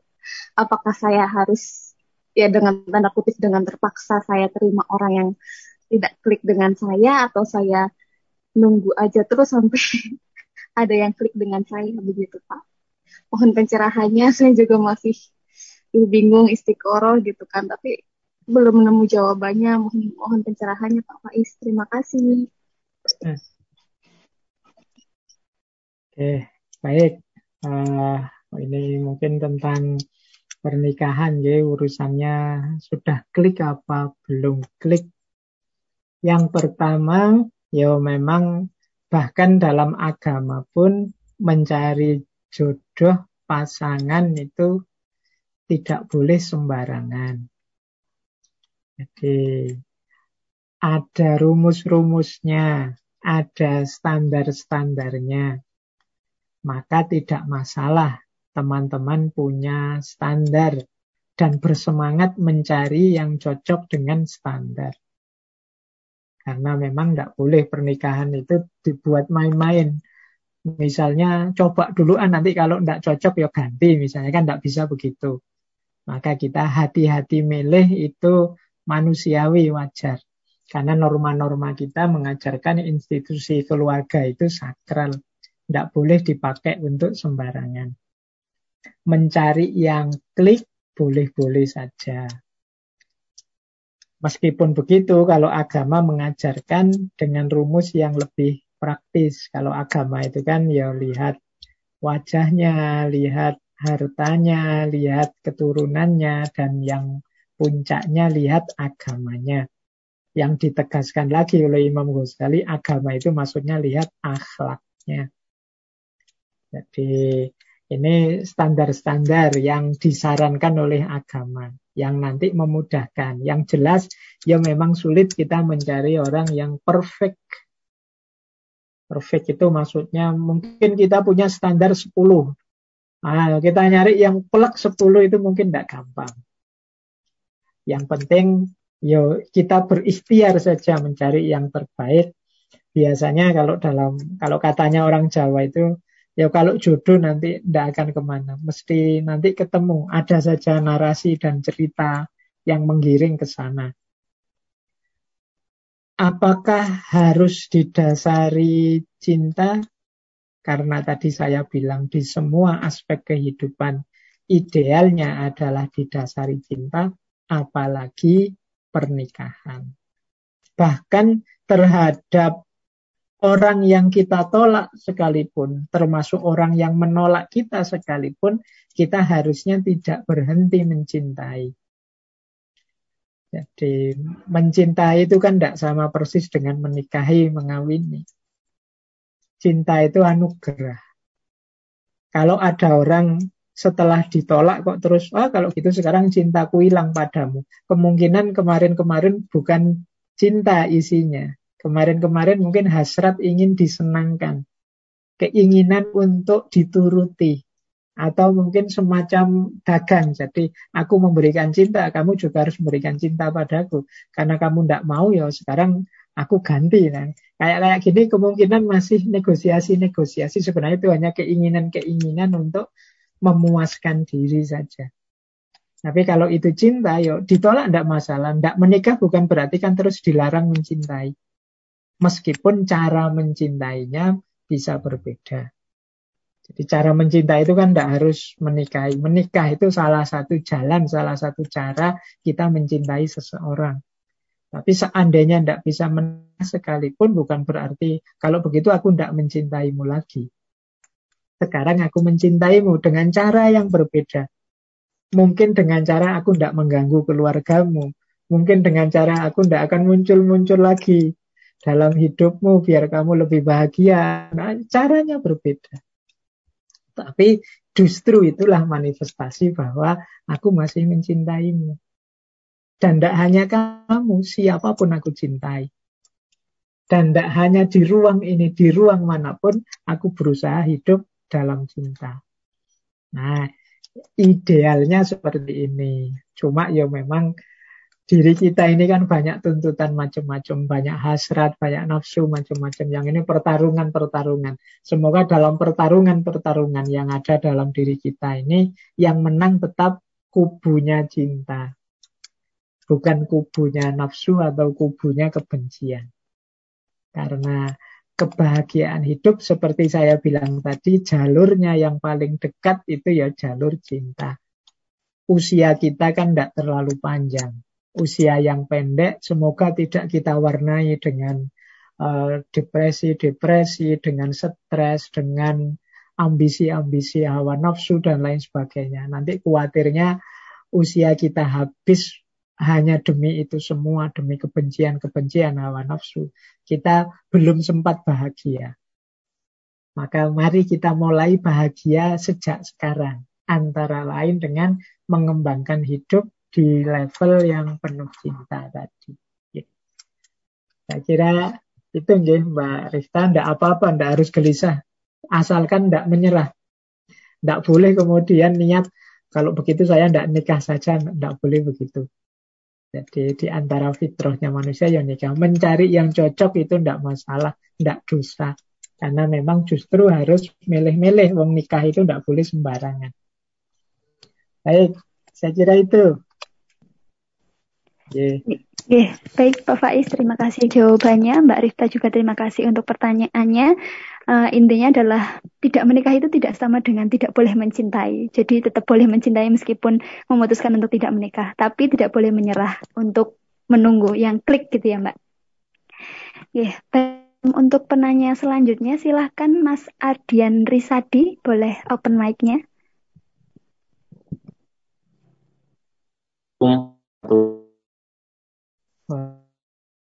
Uh, malam hari ini bisa ketemu lagi dengan Pak Faiz. Saya teringat tahun lalu ikut uh, Zoom juga, yang Zoom pertama kalau nggak salah, yang muhasabah. Dan tahun ini ketemu lagi berarti sudah rentang satu tahun nih. Dan saya sudah beberapa kali mengikuti uh, sesi, khususnya yang berkaitan filosofer King, para pemimpin-pemimpin yang membawa perubahan. Dan yang ingin saya tanyakan Pak uh, mengenai uh, semangat juang yang dimiliki oleh para uh, pembawa-pembawa perubahan itu. Sebenarnya semangat itu diturunkan langsung oleh Allah ataukah kita yang berupaya me, apa me, melakukan sebab sebabnya sehingga kemudian kita bisa bertahan untuk meraih cita-cita itu. Saya lihat beberapa uh, yang membawa perubahan itu mereka memiliki semangat semangat yang tidak over dan itu hanya segelintir orang yang memiliki itu dan ya bagi saya sendiri itu masih sangat sulit untuk saya uh, wujudkan seperti itu Pak. Karena dari tahun kemarin uh, masih belum ada perubahan yang besar dalam hidup saya. Jadi masih sangat kebingungan seperti itu. Terima kasih. Eh, eh Mas Adrian. Ini memang penting ya bagi kita itu belajar tentang tokoh-tokoh perjuangan, juga pemikiran-pemikirannya termasuk yang kadang-kadang kita angkat di ngaji filsafat kita. Itu kalau kita mengkaji tokoh-tokoh itu kan rasanya kita seperti tertantang. Apa bisa aku seperti mereka? Dengan gagasannya, dengan aktivitasnya, prestasi-prestasinya. Boleh teman-teman misalnya melakukan benchmark pada tokoh-tokoh tadi, misalnya belajar uh, tentang Pak Soekarno misalnya Kira-kira Pak Soekarno itu di usia seperti teman-teman ini 20 apa 21, 22 tahun itu sudah bisa apa, sudah melakukan apa, prestasinya apa. Jenderal Sudirman itu sudah melakukan apa, prestasinya apa. Umar bin Abdul Aziz itu di usia-usia seperti kita ini sudah melakukan apa, bisa apa beliau, prestasinya apa. Terus kita compare dengan kita. Kita ini sudah bisa apa, sudah melakukan apa. Nah, semoga dengan itu kita bisa semangat. Nah, tentang pertanyaan tadi, bagaimana sih kita bisa semangat seistiqomah mereka? Kita bisa menghidupkan uh, tekad dan semangat berjuang seperti mereka. Kalau dihubungkan dengan Allah di berbagai kesempatan sering saya sampaikan sebenarnya modalnya semuanya dari Allah.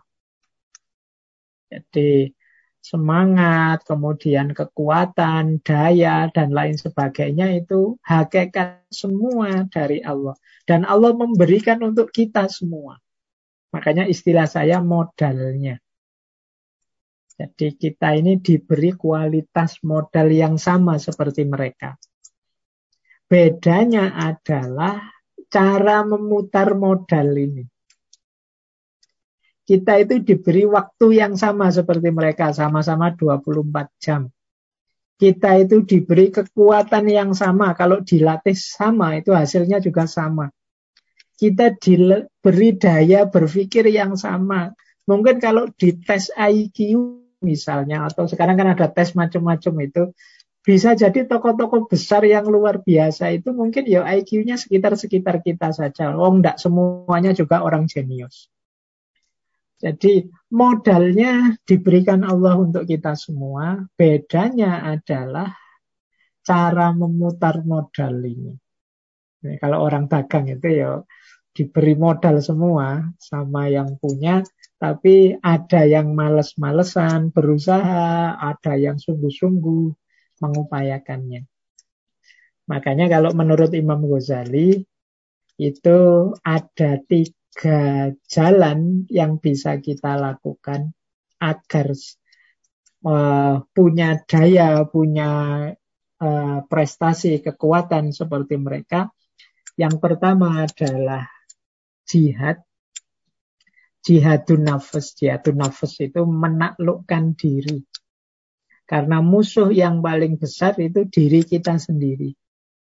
Jadi kita bisa sebenarnya, cuma males saja. Kita bisa sebenarnya, cuma pasif saja. Kita bisa sebenarnya, cuma tidak terlalu serius saja. Berarti apa? Kalahkan diri kita sendiri. Makanya Rasulullah itu kan begitu pulang dari perang Badar itu beliau mengatakan kita pulang dari perang kecil menuju perang besar.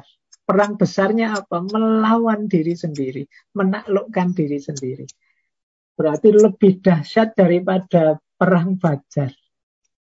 Jadi karena memang sulit. Kita itu cenderung nyari enaknya saja. Kita itu cenderung tidak mau susah. Kita lupa ada logika bahwa ya kalau kita ingin buka puasa dan berhari raya ya harus didahului dengan puasa dulu, tirakat dulu. Tapi kita cenderung ingin enak saja, ingin nyantai saja, ingin nyaman terus. Coba dibaca sejarah beliau-beliau itu bagaimana tirakatnya, bagaimana usahanya, bagaimana belajarnya, bagaimana perjuangannya, dan lain sebagainya. Nah, pantas kalau hasilnya kita kagumi. Nah, kalau kita ingin setara mereka, ya berarti kita harus sungguh-sungguh berjihad menaklukkan diri kita, menghidupkan kebaikan kebenaran yang kita tahu. Yang kedua selanjutnya adalah istiqomah. Istiqomah ini juga penting karena kebaikan itu kalau sudah mulai kita jalankan, lawan besarnya adalah istiqomah. Jadi mungkin sekarang semangat. Mungkin pas ngaji ini, wah iya Pak, nanti saya mulai Pak, besok saya mulai. Tapi tidak ada seminggu lah, satu bulan sudah bagus. Setelah itu melempem lagi mesti. Ini dahsyatnya kita butuh istiqomah. Makanya dalam agama di dunia tasawuf itu ada adagium istiqomah itu khairum min alfi karomah. Istiqomah itu lebih baik daripada seribu karomah. Karena memang ini menentukan kesuksesan kita. Orang yang tidak mau istiqomah berarti dia tidak bisa sabar, tidak bisa tekun, juang. Nah, jadi selain jihad kita juga butuh istiqomah.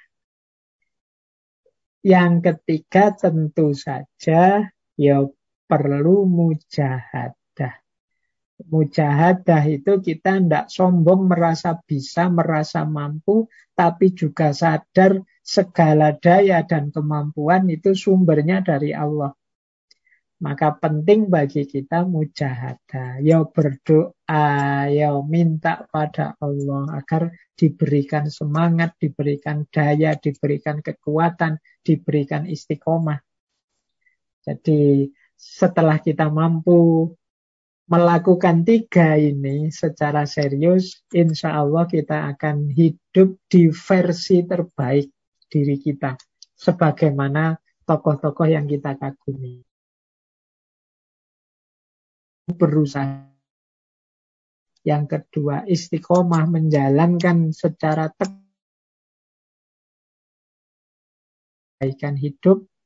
Dan yang ketiga, kita mujahadah, berdoa, mendekat pada Allah agar tujuan-tujuan keinginan kita terkabul.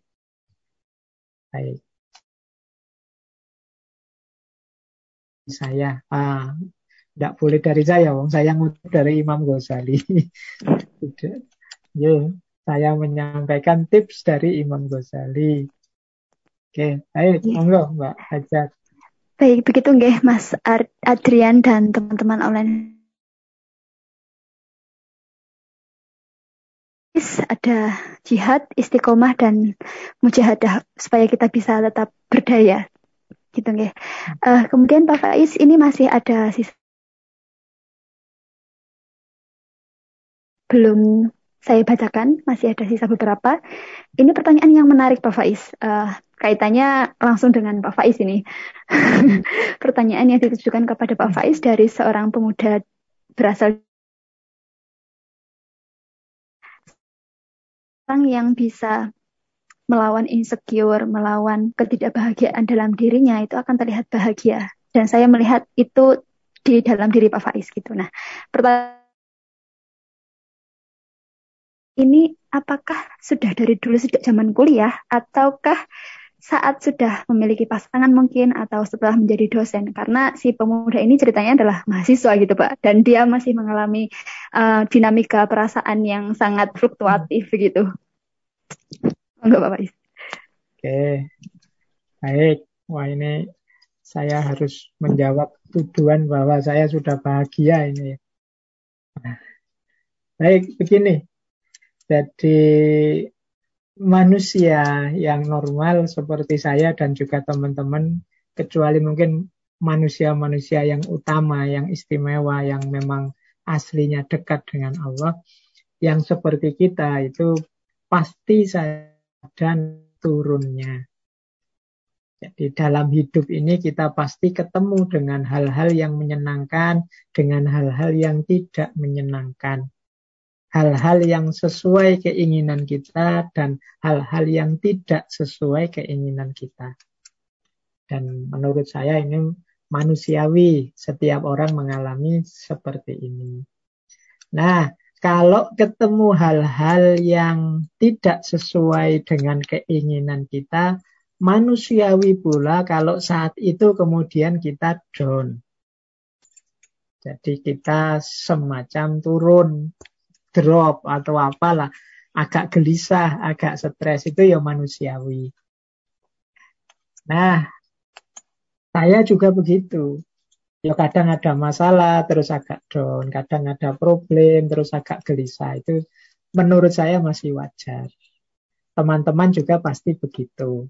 Nah, saran saya jangan memanjakan rasa drop, rasa down ini.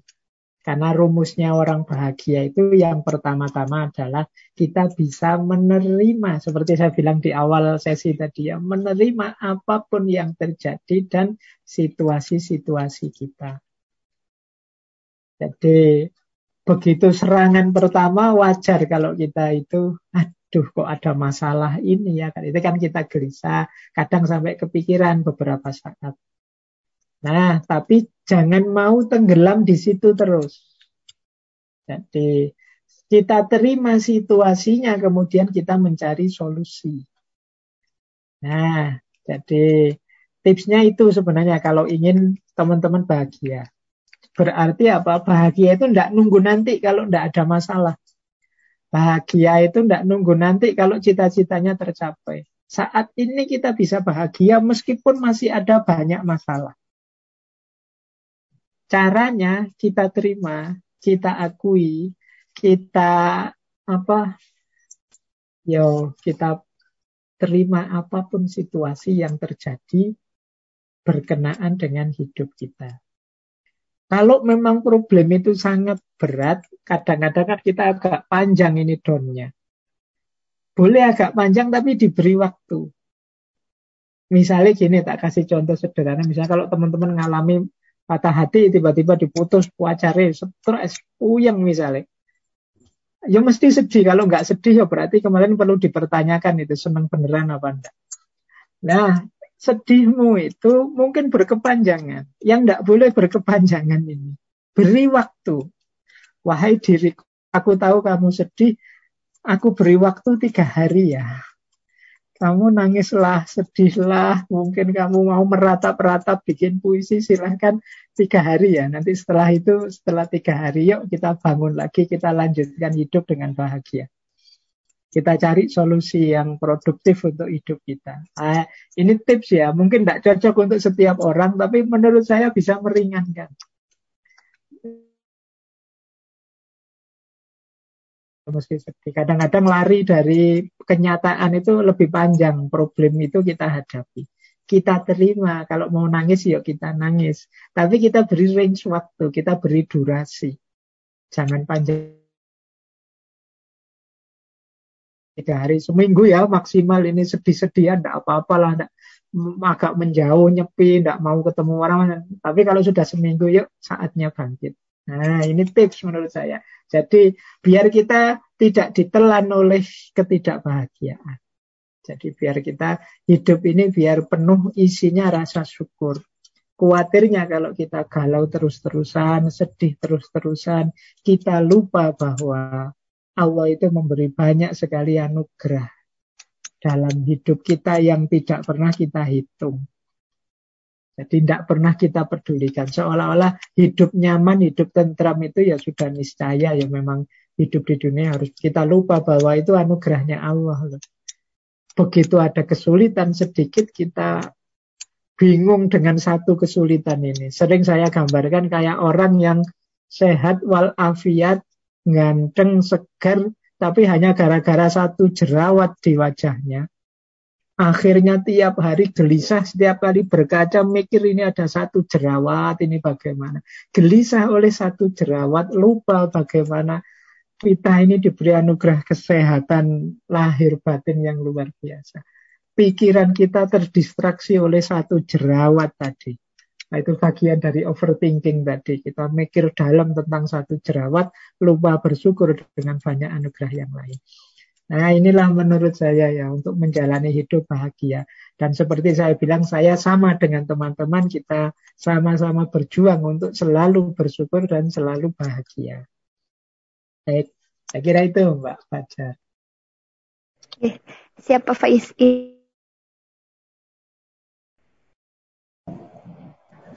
Assalamualaikum warahmatullahi wabarakatuh, Pak Faiz dan teman-teman semuanya. Hmm, Pak Faiz, saya mau tanya uh, tiga, Pak Faiz ya. Yang pertama, uh, apakah Pak Faiz pernah tersinggung? Terus yang kedua, apakah ketersinggungan itu dikasih orang lain? Apa pilihan kita sendiri yang tersinggung? Dan yang ketiga, apa saja batas supaya ketersinggungan itu tidak terjadi, Pak Faiz? Karena melihat sekarang itu media, televisi itu banyak sekali kayak orang mudah tersinggung gitu Pak Faiz. Apa dikit-dikit lapor, dikit-dikit kayak aku dan teman-teman itu kalau lagi bercanda itu susah sekarang Pak Faiz. Kayak banyak orang yang mudah tersinggung gitu. Jadi kayak sekarang tuh kurang asik gitu. Monggo Pak Faiz. Hmm. Baik. Pertanyaannya tiga, tapi saya jawab singkat-singkat ya Mas Rahman, biar waktunya nyampe. Yang pertama, apakah saya pernah tersinggung? Pernah. Apa ada orang yang tidak pernah tersinggung? Pastinya ya semua orang pernah. Apakah tersinggung itu pilihan kita atau diberi orang lain? Tersinggung atau tidak tersinggung itu lebih banyak pilihan kita. Jadi kita itu sebagai manusia pasti sering tersinggung. Tersinggung itu kan biasanya kalau harga diri kita kesenggol. Misalnya orang orang ngomong tidak menghargai kita atau orang melakukan sesuatu yang mencederai kehormatan kita, itu kan tersinggung. Nah, kalau teman-teman belajar uh, dulu ada sesi ngaji filsafat yang tentang stoikisme, termasuk tokoh-tokohnya seperti Marcus Aurelius, kemarahan, ketersinggungan, bahkan kesedihan dan rasa sakit itu murni pilihan kita. Misalnya kalau ada orang maki-maki kita, maki-makinya itu buruk memang, tapi apakah maki-makinya dia itu membuat kita tersakiti atau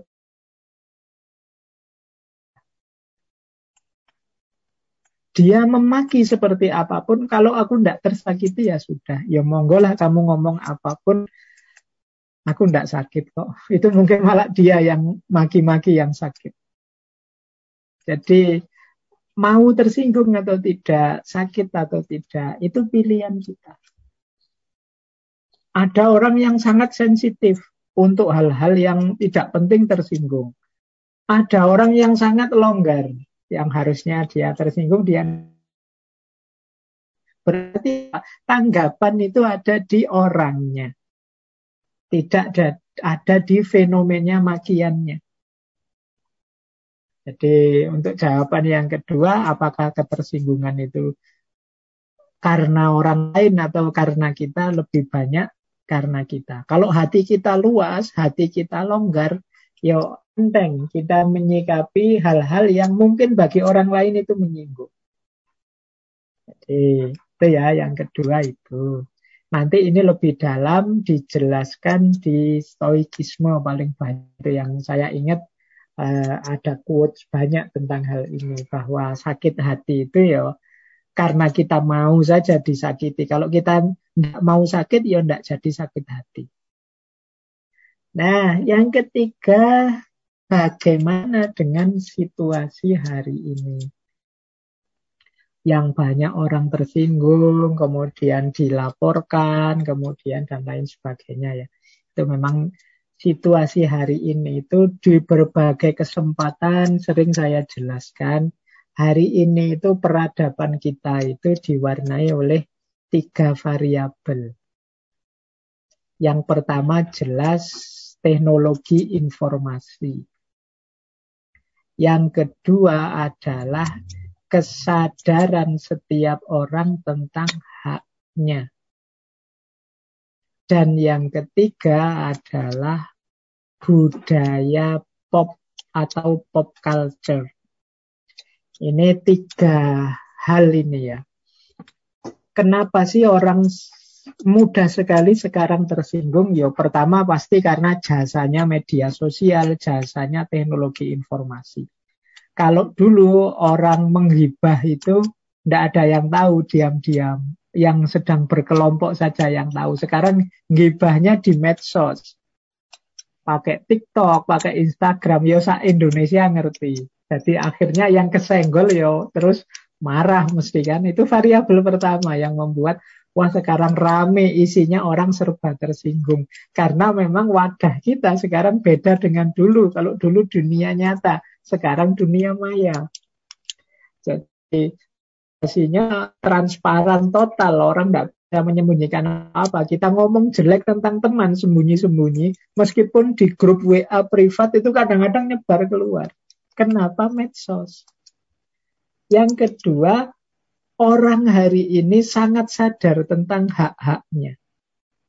Bahwa saya ngomong itu hakku, bahwa saya uh, berkelompok berkelompok itu hakku, bahwa jadi orang itu ngerti benar haknya. Jadi itu yang membuat medsos itu sangat ramai. Orang yang sadar hak ini, dia juga kemudian jadi sadar kalau haknya dilanggar orang. Makanya kalau dia merasa, wah ini perbuatan tidak menyenangkan. Wah ini, itu kan dia sadar benar bahwa ini orang melanggar hakku. Jadi logika hak ini mengedepan hari ini. Sehingga rasa tersinggung, rasa tidak enak itu yo sering jadi objek lapor ke polisi. Jangankan orang-orang dewasa, murid saja dijewer oleh gurunya kadang-kadang lapor polisi hari ini. Karena tahu bahwa wah ini hakku dilanggar ini, tidak boleh aku digini ini, kekerasan ini dan lain sebagainya. Jadi ini kedua situasi hari ini. Jadi orang sangat sadar haknya. Meskipun kadang orang sering lupa dengan kewajiban-kewajibannya. Nah, yang yang terakhir ini budaya pop. Budaya viral dan tidak viral. Jadi budaya viral itu ikut suara orang banyak. Kalau teman-teman sering ya, saya dulu zaman kecil itu kalau main bareng-bareng teman, itu kadang-kadang misalnya ada teman usil itu. Sebenarnya aku tidak popo sih diusili saya maafkan saja. Tapi terus teman-teman yang lain manas-manasi. Wow, kalau aku tak balas, kalau aku tidak diam saja kayak gitu, kalau aku tak gini, ha, panas akhirnya, balas aku. Awalnya aku tidak apa-apa, tapi dipanas-panasi kiri kanan, jadilah aku balas. Sekarang banyak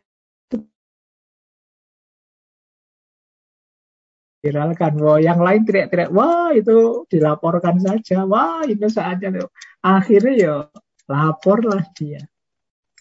Karena panas tadi, dipanasi sekelilingnya itu bagian dari pop culture tadi, bagian dari viral dan tidak viral tadi. Nah, ya ini PR, saya tidak tahu solusinya nanti arahnya ke mana. Tapi paling tidak kita tahu sekarang akar masalahnya di sini. Jadi kunci paling besar memang ada pada IT. Jadi perkembangan teknologi informasi. Yang kedua, membuat orang banyak sadar tentang hak-haknya. Yang ketiga, ya kehebohan viral yang mendorong kita kadang-kadang menggiring kita ke utara, menggiring kita ke selatan tanpa kita sadari. Jadi itulah situasi-situasi hari ini sehingga banyak orang kemudian lapor melaporkan yang dasarnya ketersinggungan-ketersinggungan. Meskipun hakikatnya seperti saya bilang tadi, kita itu beda dengan yang fisik ya. Kalau fisik itu kita disakiti ya sakit beneran, sulit menolaknya. Tapi kalau batin kita bisa menolak. Kita bisa, ndak ah saya ndak mau kecewa itu bisa. Ndak ah saya ndak mau tersakiti. Kamu menyinggungku terserah, aku ndak tersinggung kok. Kamu maki-maki aku ya monggo saja kamu capek ngomong, aku ndak apa-apa kok. Itu bisa. Itu kita bisa milih. Jadi tergantung kita sepenuhnya. Baik, mungkin untuk yang terakhir ini nanti ada tema tersendiri lah tentang IT, tentang bagaimana situasi hari ini sehubungan dengan mentalitas dan moralitas orang-orang di masa kini. Uh, baik, kelihatannya waktunya sudah nyampe ya, Fajar. Oh, enggak, Pak. Um, Anu tadi kelihatannya agak molor kalau masih ada dua penanya lagi. Apakah Pak Faiz berkenan? Uh, Nanti digabung saja jadi satu. Yo, boleh, monggo-monggo, apa-apa. Boleh, silakan Mas Syaifuddin dan Mas Daniel Aceh untuk bergantian singkat saja pertanyaannya supaya Pak Faiz bisa menjawab dengan singkat. Monggo. Oke, terima kasih kepada Mbak Fadiza Assalamualaikum warahmatullahi wabarakatuh. Waalaikumsalam. Terima kasih pada Pak Farudin Faiz. Alhamdulillah bisa uh, ngobrol bareng. Salah satu saya dengar dari YouTube-nya Pak MJS ya, di MJS. Itu saya bertanya uh, menyambung tentang hal pernikahan gitu. Pertanyaannya kan tadi dari perspektif Islam standar untuk memilih itu lihatlah wajahnya, hartanya, keturunan dan agamanya. Namun Imam Al Ghazali itu lebih mendekatkan kepada uh, lihatlah ahlaknya. Lalu bagaimana uh, orang yang si lalu bagaimana orang itu dikatakan siap untuk menikah dari perspektif Islam? Dan bagaimana jika aspek penilaian orang tua terhadap anak jika dikatakan belum mampu menikah? Begitu Pak. Terima kasih. Yuk, langsung saja. Oke, baik, silahkan Mas Daniel Aceh, boleh open mic-nya untuk mengajukan pertanyaan?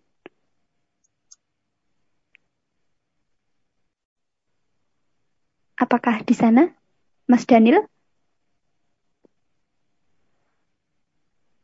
Oke, baik. Sepertinya tidak ada di tempat Pak Faiz. Semoga langsung dijawab, Mawon. Oke, baik. Uh, Mas Saifuddin. Jadi, ini pertanyaan ini kalau dijawab dari perspektif Islam itu nanti jawabannya bisa dari aspek fikih jadi kalau di aspek fikih itu bahkan ada hadisnya manis tato amin kumul ba'ah. Barang siapa yang sudah mampu menikah, faliyatazawaj. Ba'ah itu ya kemampuan lahir dan batinnya. Kalau batin mungkin ya kesiapannya. Kalau lahir itu ya mungkin dari urusan nafkahnya, dari urusan uh, kehidupan bersamanya, dan lain sebagainya. Tapi ini sebenarnya lebih pada urusan fikihnya. Nah, ada orang itu yang siap secara batin, tapi tidak siap secara lahir. Ini kalau mengikuti hadis ya Waman lam yastati fa'alaihi bis saum. Kalau yang tidak bisa, tidak mampu seperti ini ya ditutupi dulu dengan puasa. Jadi ada yang mungkin batinnya siap tapi lahirnya tidak siap. Atau sebaliknya, lahirnya siap tapi batinnya tidak siap. Dan macam-macam. Kalau di fikih malah detail itu jawabannya. Cuma karena kita ngomongnya filsafat, saya khawatir nanti dianggap uh, peminter urusan fikihnya. Jadi yang penting kalau teman mudahnya begini, kalau teman-teman secara batin itu berarti ya siap untuk hidup bersama dengan segala resiko, konsekuensi, dan tanggung jawabnya. Kalau lahir ini urusan materinya. Jadi urusan nafkah, urusan biaya untuk hidup bersama, dan lain-lain. Jadi ini syarat-syaratnya ini. Makanya kalau di Islam itu ya kalau ikuti hadis tadi ya yang penting istitoah sama kayak haji gitu loh syaratnya istitoah. Kalau tidak punya istitoah ya tidak masalah, tidak harus dipaksa. Banyak orang yang menyatakan menikah itu wajib. Tapi sebenarnya kalau teman-teman belajar fikih, nikah itu ya ada kalanya wajib, tapi ada kalanya juga sunnah saja. Ada kalanya mubah, bahkan bisa jadi makruh atau haram dalam situasi tertentu. Misalnya yang haram itu eh, saya tahu bahwa saya ini psikopat, pembunuh berdarah dingin.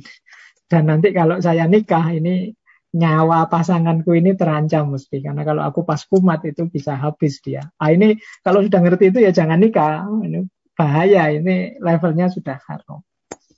Nah, kalau hukum dasarnya memang sebenarnya sunnah. Makanya ada beberapa ulama itu yang tidak menikah, mengutamakan umat, mengutamakan ilmu. Tapi kalau versinya teman-teman saya tahu ya mestinya ya pingin nikah semua kan.